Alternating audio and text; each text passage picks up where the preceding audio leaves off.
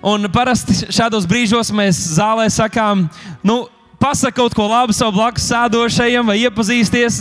Šajā gadījumā es gribētu teikt, pasmaidi ar, tādu dieva mīlestības pilnu smaidu savu blakus sēdošo, vai ierakst kaut ko komentāros, uzspied laiku, padalies, lai arī citi cilvēki var dzirdēt un piedzīvot to, ko Dievs dara šeit mūsu vidū. Dievs ir tik labs! Amen! Dievs patiešām ir labs. Un šodien es gribētu runāt par tēmu bīsties vai baiļojies. Bīsties vai baiļojies. Jo cik es saprotu un cik ir mana atziņa Dieva vārdā, tad ir tikai divas izvēles un iespējas, kā mums dzīvot šo dzīvi, kur mums uzticēta un kā mēs varam rīkoties arī šajā neviennozīmīgajā laikā, kurā mēs dzīvojam, bīsties vai baiļojies. Un, protams, ja mēs atceramies pavisam eh, nesenu pagātni, tad pirms nedēļas tieši mēs tikāmies šeit, mūsu skaistajā draudzes namā. Mēs kopīgi plecu pie pleca slavējām Dievu, pielūdzām viņu un pat nespējām iedomāties, ka jau šo svētdienu mēs nevarēsim viens otru redzēt personīgi un nevarēsim būt šeit visi kopā. Uh, Tas nevienu nepārsteidz, ka ir daudzi, kas pasaulē arī tepat Latvijā, un arī iespējams kristiešu vidū ir pārbijušies, ir baiļu pārņemti, kur valda panika par to, kas notiks. Un ir kādi, kas domā, ka pēdējās eh, stundas jau ir, eh, pēdējā stunda ir situs un pasaules gals ir bezmaz vai iestājies, bet vai tā vajadzētu rīkoties arī mums, kas mēs esam Dieva bērni, kas mēs ticam uz Jēzu Kristu un esam piedzīvojuši Dieva glābjošo spēku mūsu dzīvēm.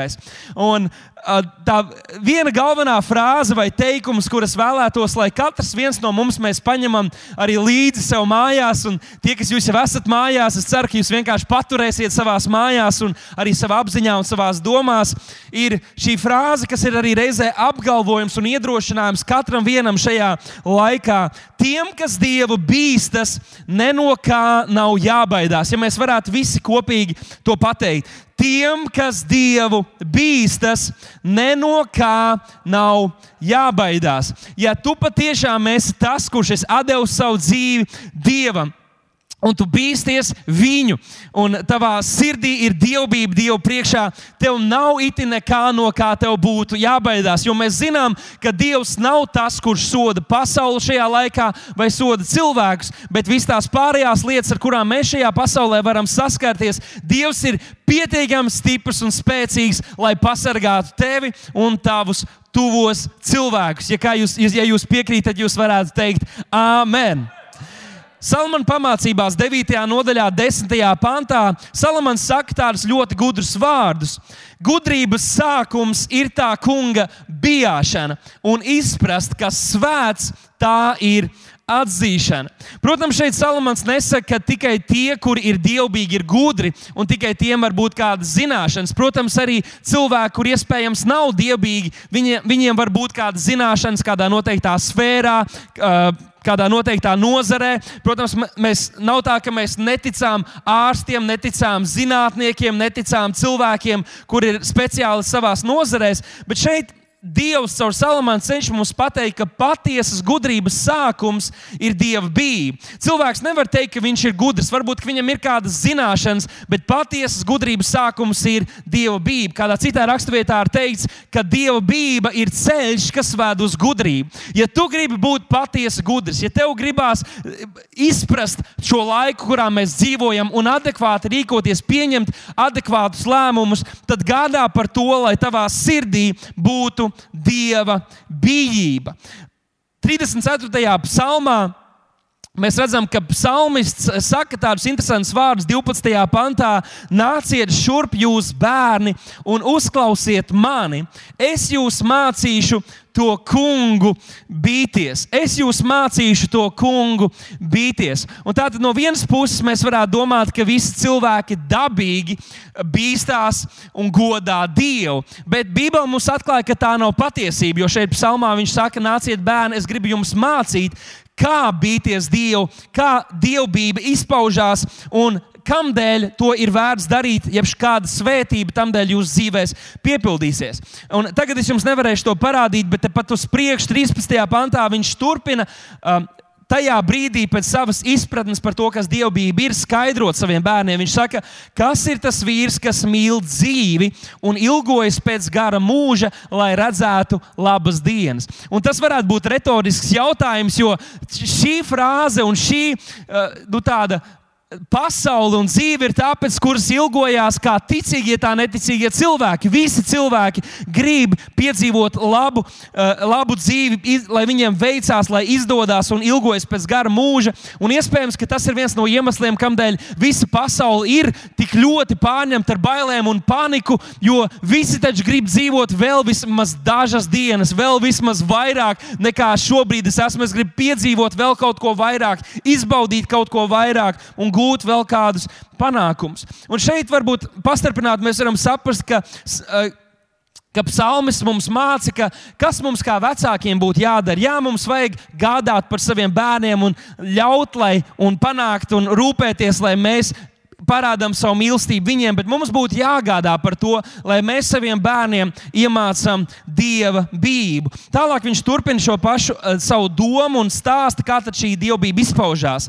Tas, lai sargā, tātad tas, kas vēlas piedzīvot šīs labās dienas savā dzīvē, tas, lai sargā savu mēli no ļauna un savas lūpas, ka tās nerunā viltīgus vārdus. Un pēdējos dievkalpojumos mēs esam daudz par šo dzirdējuši un runājuši, ka ir svarīgi tas, kas ir tavā mutē, kādus vārdus tu runā par savu dzīvi, par savu pilsētu, un jā, arī par dažādām problēmām, uzbrukumiem, ar kuriem saskaries personīgi tu vai arī mēs kā sabiedrība. Domāsim šajā laikā, ko mēs runājam un ko mēs atraisam mūsu līdzcilvēku vidū. Un viņš noslēdz šo skaisto uzrunu ar vārdiem: novērsies no ļauna un dari labu dari labu. Jēzus teica, ka apkārtējie redzēs jūsu labos darbus un godās tēvu, kas ir debesīs. Un šeit psalmis saka, ka patiesa dievbijība ir tas, kad mēs novēršamies no ļauna un darām labu, un viņš noslēdz ar vārdiem: meklē mieru un dzenies pēc tā. Pasakā kādam sev blakus vai ierakst komentāros: meklē mieru un dzenies pēc tā.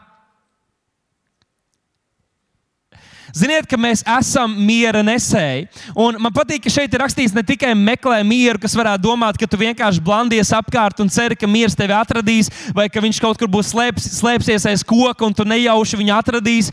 Bet Pāvils Jebšu, uh, tas ir psalmis šeit, saka, dzenies pēc miera, dzenies pēc miera. Un man šķiet, ka šis ir laiks, kad mums, kā dieva draudzēji, īpaši ir jāpieceļas un jāspīd. Mums ir jābūt tiem, kas mēs nevis vairojam paniku un bailes sabiedrībā, kas mēs vairojam bailes dažādās mūsu sabiedrības uh, grupās, bet mēs esam tie, kas mēs atnesam mieru, kas mēs esam pārliecināti, ka Dievs ir spējīgs mūs pasargāt. Mēs esam tie, kuriem ir prieka vēsts, mēs esam tie, kur paši esam saņēmuši mieru, kas nenāk no pasaules un ko pasaule nevar mums atņemt. Tāpēc miers ir tas, ko mēs varam dot, un tas ir tas, kas mums ir jānes. Draugi, ja mēs nevaram tikties šeit vienu vietu, tomēr katrs viens no mums varam būt tie, kas mēs nesam mieru, un šajā satraukuma laikā mēs ļaujam cilvēkiem iepazīt mieru, kurš pasaulē cilvēkiem nav pazīstams. Otrajā mūža grāmatā, 20. nodaļā, mēs 20. pantā lasām interesantu situāciju, kur Izraēla tauta ir nonākusi tuksnesī, un Dievs tik ļoti ir vēlējies viņiem atklāties. Viņš vēlējās viņus uzrunāt un komunicēt ar viņiem. Bet brīdī, kad Dievs runā uz Izraēla tautu, Izraēla tauta ir baiļu pārņemta. Un viņi lūdz mūzu, lūdzu, lūdzu, lūdzu, lai Dievs nerunā uz mums visiem personīgi. Mēs baidāmies, kad mēs dzirdam viņa balsi. Labāk, lai Dievs runā ar tevi, un tad parunā uz mums. Un šeit Mozus viņiem pastāsta, kāpēc Dievs runāja uz viņiem. Tad Mozus sacīja tautai: Nebīstieties, jo Dievs ir nācis, lai jūs pārbaudītu, un lai jums būtu bijība, jeb dievbijība viņa priekšā, ka jūs negrēkot. Un tie, kas šo raksturvietu ir lasījuši, tā neiedziļinoties, varētu domāt, ka Mozus bija nedaudz sajūts prātā. Jo viņš saka, no vienas puses, nebīstaties, bet Dievs ir atnācis, lai jūs bīstos. Jūs nebaidieties, bet Dievs ir atnācis, lai jūs baidītos. Varētu domāt, ka šeit Mozus runā pretrunās. Bet kā būtu, ja mēs šo raksturvietu nedaudz. Um, nedaudz transformēt. Un varētu būt, ka Mozus teica tos vārdus aptuveni šādi: Nebaidieties, nesiet baiļu pārņemt Izraēla tauta, jo Dievs ir atnācis, lai jums būtu bība viņa priekšā. Ir svarīgi saprast, ka ir liela atšķirība starp bailēm no dieva un bijības dieva priekšā. Mēs redzam, Ādamu un Ievu ēdienas dārzā, kad viņi grēko pret Dievu. Grēks kļuva par daļu no viņu personības un no viņa iekšējā cilvēka. Un tajā brīdī, kad kā ierasts Dievs nāca, lai būtu sadraudzībā ar cilvēku, kas notika?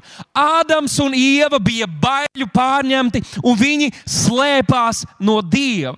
Bet tajā pašā laikā mēs redzam, ka Bībele runā arī par otro Ādamu, un viņa vārds ir Jēzus Kristus. Jēzus Kristus Kristus arī bija dievbijīga persona. Viņš bijās Dieva un viņš staigāja šajā bībā. To mēs redzam Iesaijas grāmatas 11. nodaļā, 3. pantā, kur rakstīts pravietiski par Jēzus kalpošanu. Bība tā kunga priekšā būs viņam salda smarža, un viņš netiesās pēc tā, ko viņa acis redz, un nespriedīs pēc tā, ko viņa ausis dzird.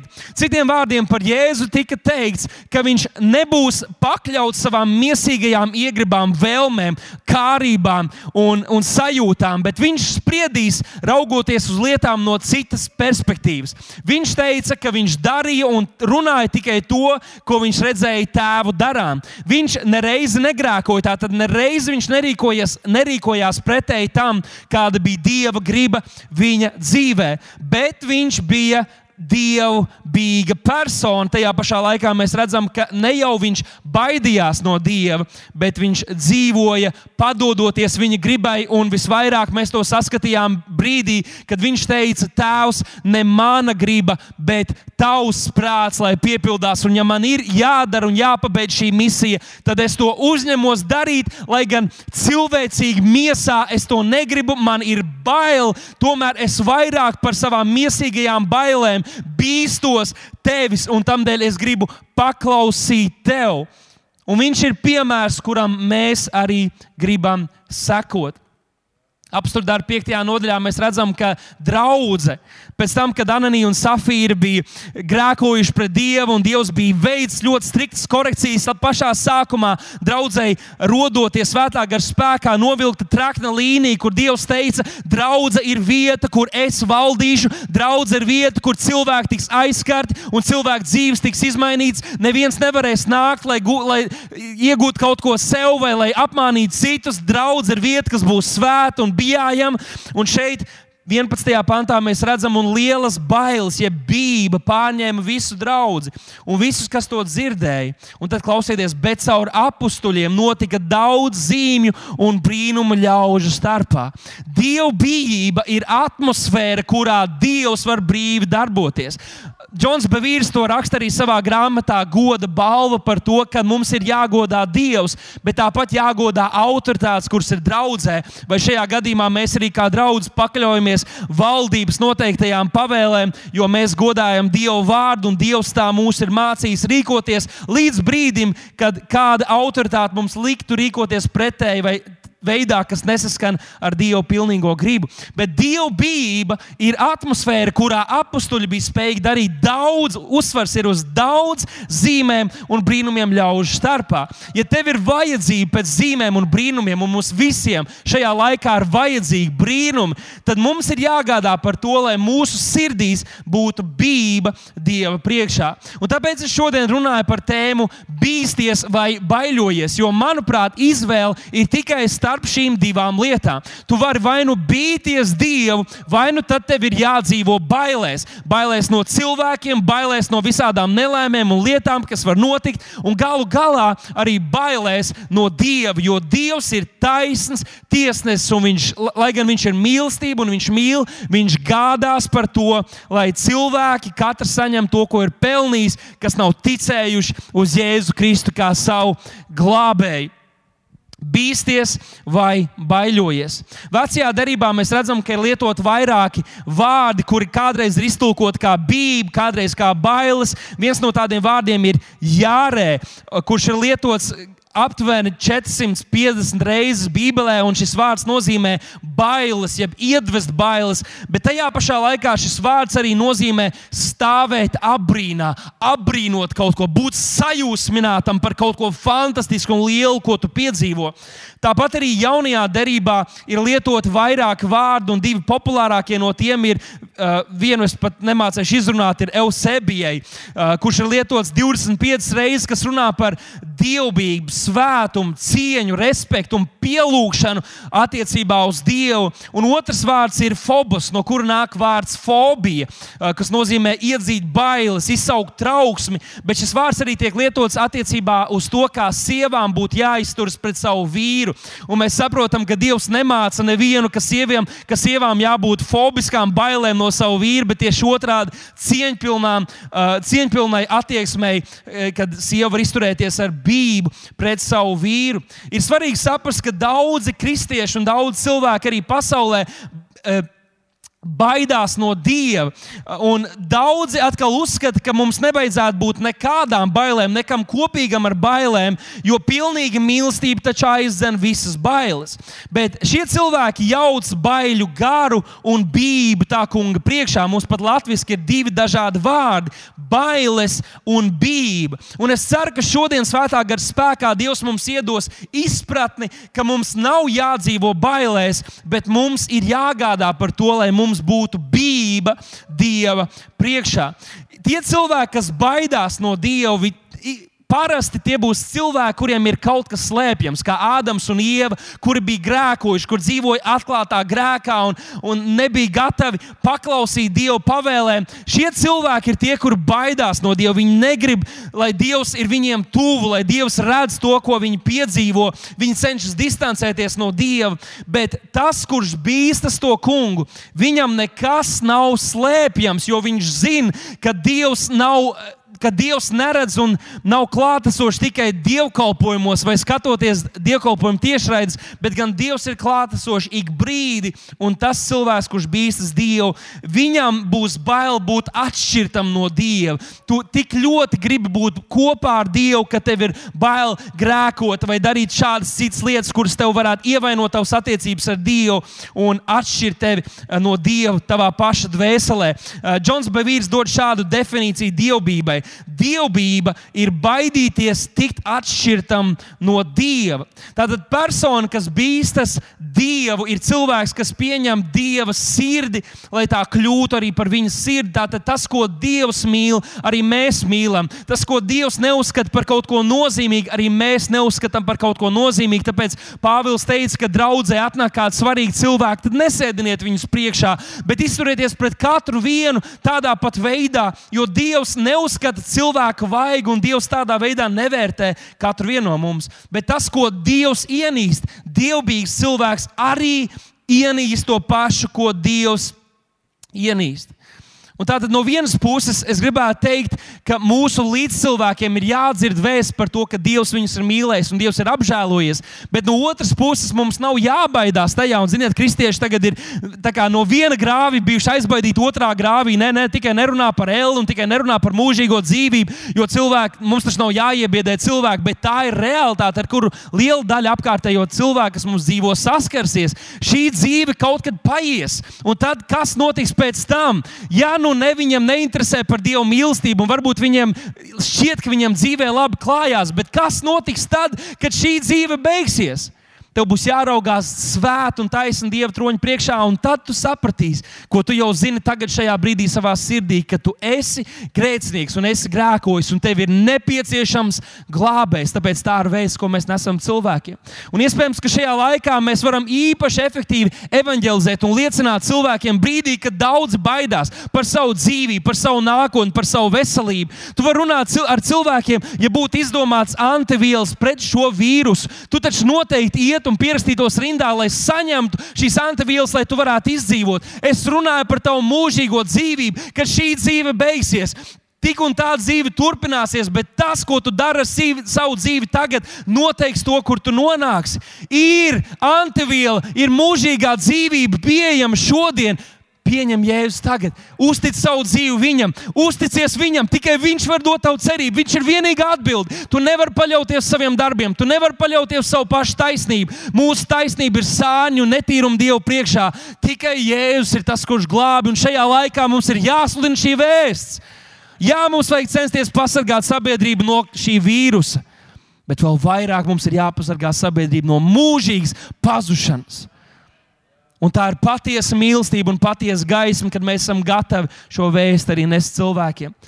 Otrajā Pāvila vēstulē, korintiešiem 5. nodaļā, viņš saka šādus vārdus, 10. pantā, jo mums visiem jāparādās Kristus soļa krēsla priekšā.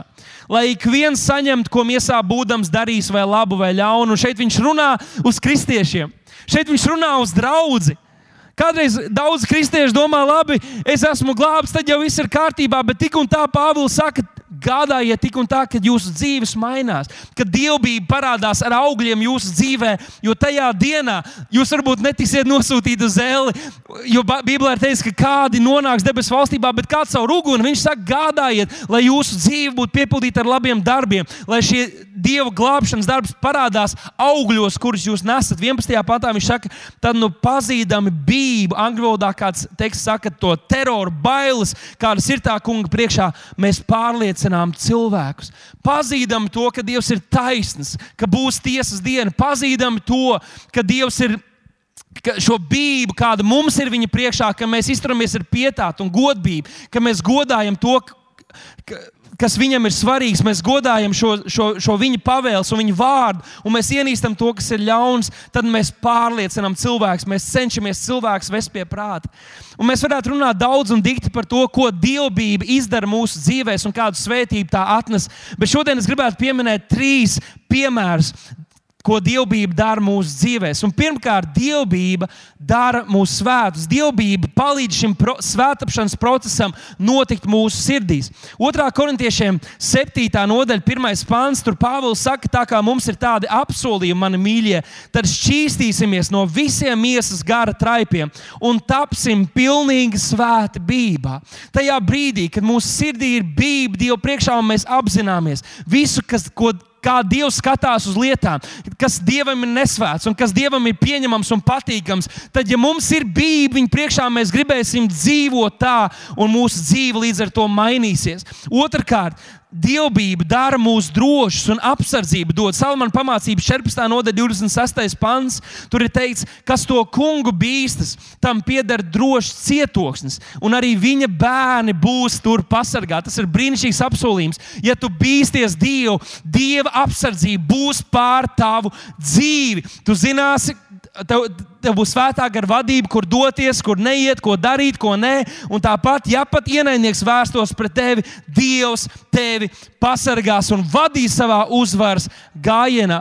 Visbeidzot, dievbijība dara arī svētīt. Salamāna pamācības 22.4. rakstīts, pazemības, proti, dieva bības alga ir bagātība, gods un dzīvība, bagātība, gods un dzīvība. Ko es cenšos pateikt un ko Dievs šodien runā uz mums?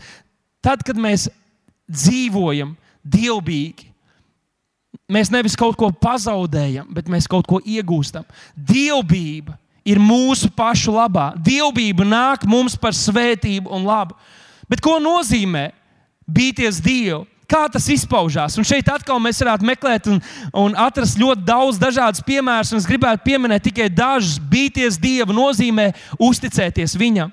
115. psalmā ir teikts, jūs visi, kas bīstaties to kungu, ceriet vai ticiet uz to kungu. Viņš ir jūsu palīgs un jūsu vairogs. Kad mēs bīstamies viņu, tad mēs liekam savu cerību uz viņu. Pāri tam, ko mediķi var izdarīt, kā cilvēki var mums palīdzēt, mēs liekam mūsu cerību arī šajā laikā. Mūsu cerība ir Dievs, mūsu apsardzība ir Dievs, un mēs ticam Viņam. Mēs liekam savu paļaušanos uz Viņu. Dievs rūpējas par mums un pasargās mūs. Otrakārt, uzticēties Viņam nozīmē ienīst grēku. Salamana pamācības 8. nodaļa, 13. pāns ir rakstīts, Bībeli tā kunga priekšā ienīst nelāgo. Ienīst ļauno, ienīst tukšu iedomību, augstprātību un ikvienu ļaunu ceļu, un manī mīt naids pret netaisnām un neīstām runām. dievbijība ienīst grēku. Kad mūsos pukst Dieva sirds, tad tas, ko Dievs ienīst, arī mēs to ienīstam. Un es esmu domājis par šo, par grēku un par dievbijību, es sapratu, ka ir tik daudz sfēras, kur es vēl aizvien esmu izgājis uz kompromisu, un Dievs šajā laikā runājis arī uz manu sirdi. Nu, kā piemēram, mēs varam iedomāties par daudzām Holivudas filmām, mēs zinām, ka ir arī labas, un tīras un jaukas filmas, kuras var daudz kādu arī svētību atnest mūsu dzīvēm, ka mēs tās pārnājam un pārdomājam. Daudz tādas mūtfilmas. Es esmu bijis šokā pēdējā laikā, kad mēs kādreiz atrodam kādas labas mūtfilmas un ar meitiņu paskatāmies. Es saku, nē, šo mums mūtfilmu jāskatās katru gadu. Tā kā es neesmu pret to, ka mums būtu jāskatās, ka, ka mēs nedrīkstam skatīties filmas vai mūtfilmas. Bet ir tik daudz filmu, kur ir industrijas, kuras ir, šīs filmas piepilda ar dieva zaimošanu, piepilda ar daudz ko, kas ir pret to, kā kristietim būtu jādzīvo. Piepilda ar seksuāliem skatiem, kas agrāk, pirms kādiem 20 gadiem, būtu bijusi pornogrāfija. Mūsdienās ir tik daudz kristiešu, kas mēs mierīgi to skatāmies un domājam, nē, viss ir ok. Iedomājieties, ja kaut kur kāds, kāds laulāts pāris ir savā namā, savā guļamistabā, un viņi dara to, ko Dievs ir svētījis, un kāds tur pie logas stāv un uz viņiem blēņas, tas būtu kaut kas nepieņemams. Bet ir tik daudz reizes, kad mēs paši skatāmies, mēs patērējam filmas tādā veidā, atbalstot, lai tādas tiek radītas aizvien vairāk un vairāk, kur mēs skatāmies kadrus un lietas, kuras ir pretēji tam, kā Dievs ir aicinājis mūs darīt. Mēs nedzīvojam svētu, mēs nepasargājam svētu savas domas. Varētu minēt vēl daudz un dažādus piemērus. Vēl viens no punktiem - Bīties Dievu nozīmē arī godāt vecākus, vecākos un godāt autoritātes mūsu dzīvē. Trešajā mūža grāmatā teikts, sirds galvas priekšā tev būs piecelties un godini vecu cilvēku, bīsties savu Dievu. God, godāt autoritātes, godāt arī vecākos cilvēkus, izturēties ar cieņu. Jūs zināt, ka tas ir kaut kas, kas jau pavisam svešs ir palicis mūsu sabiedrībā, paudzes, kas piedzimuši, kurām nav vispār izpratnes par to, kas ir bijība un kā cienīt citus, kā izrādīt cieņu, ka tas vispār nepieciešams. Vai mēs, kristieši, arī varam būt tādi, vai arī mūsu bērni var augt tāpat un tāpat uzvesties? Bīties Dievu nozīmē dot desmito, uzticēties tam, ka Dievs rūpējas par mums, uzticēties Dieva vārdam un paklausīt Dieva vārdam pat tad, kad tas nešķiet komfortabli. 5. mūža grāmatā 14. nodaļa tev būs dot des, savu uh, taisnu, desmito tiesu no visiem saviem sējas augļiem. Visbeidzot, vēl viens no piemēriem, ko nozīmē bīties Dievu. Bīties Dievu nozīmē neizmantot citu vājības. 3. mūzika 25, 17 teiks, tad nu, nedariet pāri viens otram, bīstieties savu Dievu. Tad, kad mēs redzam, ka kāds ir vājā vietā, kad kāds, kāds kaut ko nav pamanījis, un mēs izmantojam viņu vājības, mēs izmantojam to, ka kāds ir palaidis kaut ko garām, tā nav dievbijīga rīcība. Tieši pretēji. Tieši pretēji. Bībelē mums brīdina arī par āršķirīgu dievbijību, un es gribētu nedaudz tam pieskarties. Un, protams, mēs sakām, mums nevajag baidīties no Dieva, bet mums vajag bīties viņu un rūpēties par to, lai mūsu sirdīs būtu patiesa dievbijība. Bet Bībelē mums brīdina arī par to, ka dievbijīgi nedrīkst būt tikai āršķirīgi, ka mēs tikai āršķirīgi to parādām. Varbūt savos darbos un savā sirdīs esam tālu no Dieva. Otrajā Pāvila vēstulē Timotejam, trešajā nodaļā, Pirmajā pantā viņš saka, bet zini, ka pēdējās dienās iestāsies grūti laiki, un tad viņš uzskaita dažas lietas. Viņš saka, izrādīdami ārēju svētbību, jeb dievbijību, bet tās spēku noliekdami no, no tādiem cilvēkiem izvairies. Citiem vārdiem, Pāvils šeit brīdināja Timoteju, un arī mums jābūt uzmanīgiem par katru no mūsu sirdīm. Un es, protams, nebakstu nevienu acīs, es to runāju arī uz sevi. Rūpēsimies par to, lai mūsu sirdīs, ne tikai mūsu rīcībā, dievkalpojumos vai satiekoties ar kristiešiem, būtu patiesa dievbijība. Viņš saka, ka ir reliģiski cilvēki, kuru reliģija ir tikai forma, kuru reliģija un šīs reliģiskās aktivitātes ir tikai siluets, bet to sirdīs nav patiesa padavība un bijību Dieva priekšā. Un tā ir bīstama vieta, kurā būt. Pāvils pats saka, no tādiem izvairies. Ko es gribu teikt? Ja tu esi glābts, ja tu esi devis savu dzīvi Jēzum, tad tev ir cerība un vēlme līdzināties Kristum Jēzum. Viņš ir tas, kuru mēs gribam atdarināt. Viņš ir tas, kuram līdzīgi mēs gribam būt. Un patiesa dievbijība mūsu sirdīs atļauj šīm pārmaiņām notikt mūsu dzīvēm. Patiesa dievbijību. Ja tu esi vietā, ka, tev, ka tu mīli grēku, un tev nemaz nav vēlme mainīt savu dzīvi un līdzināties Jēzum, tad es ieteiktu tev pārdomāt savu, savu dzīvi, pārdomāt, kādas ir tās izvēles, kādas tu esi izdarījis, un vai tavs pamats ir stiprs un stingrs. Un tajā pašā laikā romiešiem 13.3. Pāvils runā uz šo draugu, viņš saka, tu negribi bīties valsts varas, tu dari labu. Kas labs, tad nu, tātad, ja tu negribi bīties valsts varas, tad dari labu, jo to, kas labs, tad tu saņemsi viņa uzslavu, tad saņemsi valdības vai to autoritāšu uzslavu savā dzīvē. Un, ziniet, man šķiet, ka to, to pašu tekstu mēs varam pielīdzināt arī mūsu attiecībām ar Dievu. Ja tu negribi dzīvot bailēs, pirmkārt, tev nav jābaidās no Dieva. Dievs nav šeit, lai tevi sodītu. Viņš ir šeit, lai tevi glābtu un palīdzētu tev mainīties. Bet, ja tu negribi dzīvot bailēs un būt baiļu kontrolēts, tad nepietiek ar to, ka tu vienkārši tici, jā, mīlestība aizvien visas bailes. Ir jābūt bībai tavā sirdī. Ir jābūt bībai tavā sirdī. Nu, kā tas izpaužās? Es zinu, ka Latvijā mūsu uh, mūsu kultūra uz ceļiem nav varbūt tā lielākā priekšzīme, nu, salīdzinot ar Eiropu, kur var aizbraukt daudz vietu un cilvēki tur. Pat brauc nedaudz lēnāk nekā atļautais ātrums. Latvijā daudz bieži pārkāpj ātrumu un jūtas komfortabli to darot. Un jāatzīstās, es arī reizēm braucu nedaudz ātrāk, bet pārsvarā cenšos tomēr ievērot noteikumus. Un ziniet, kāda ir atšķirība starp cilvēku, kurš pārkāpj noteikumus ļoti viegli, un kādu cilvēku, kurš tomēr cenšas ievērot šos noteikumus un bīties valsts varas, ja ne soda dēļ, tad vienkārši tāpēc, ka ir tādi noteikumi un tie droši vien mums ir doti mūsu pašu labā. Atšķirība ir tāda. Cilvēks, kurš nepārtraukti pārkāpj ātrumu, viņš dzīvo bailēs, jo tu visu laiku pārvietojies, un tev ir jāskatās, kas brauc tev aiz muguras, kas brauc tev pa priekšu, kas ir krūmos, kas ir aiz nākamā kalna, kad tik tur nav fotoradars, kad tik tur nav kāds policists izlīdis ārā, lai nomērītu tavu ātrumu. Un tiklīdz tev ir sajūta, ka kaut kur kāds stāv, ka tūlīt tu tiks noķerts, ko tu dari? Tu spied pa bremzēm. Tu dzīvo bailēs.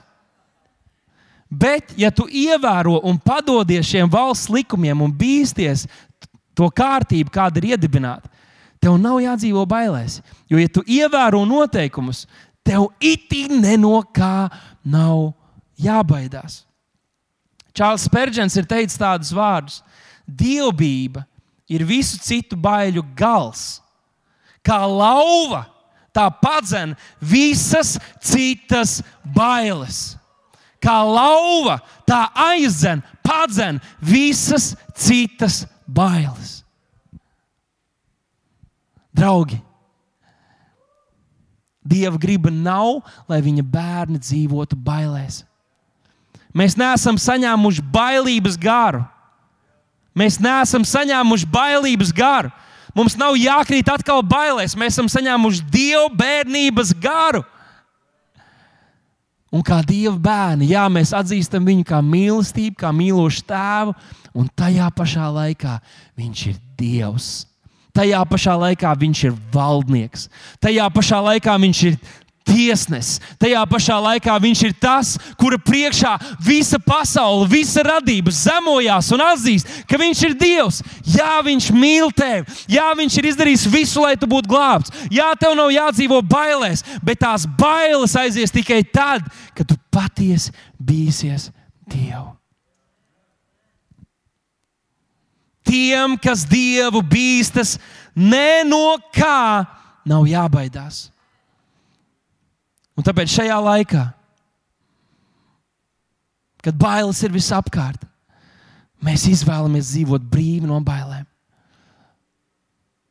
Lai mūsu attieksme, lai mūsu sirds attieksme ir tāda, labi, ja man no kaut kā ir jābaidās, ja man kaut ko ir jābīstās, Dievs, es bīstos tikai tevi. Tikai tevi. Tikai tevi, Dievs. Un tas mūs atbrīvo no bailēm. No bailēm.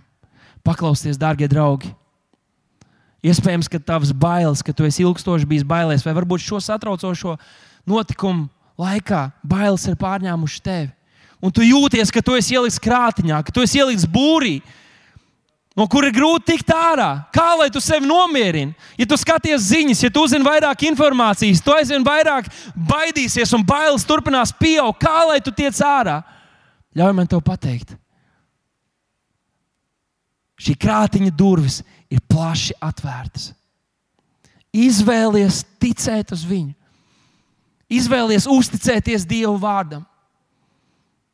Izvēlies paļauties uz to, ka Viņš ir tavs ārsts. Izvēlies paļauties uz to, ka tad, kad viss kaut kas apkārt šūpojas, Viņš ir mūsu stiprā klints, uz kuru mēs stāvam, kur ir drošība. Pat tad, kad ir vētras un vēji, mūsu nams nesabruks, jo mēs esam tie, kas mēs dzirdam Dieva vārdu, mēs to darām, Dieva apsolījumi piepildās, tie stāv.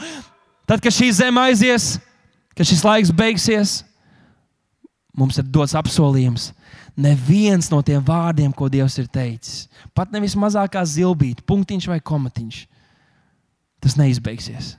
Tas pastāvēs. Dieva vārds ir uzticams. Uzticies viņam arī šodien.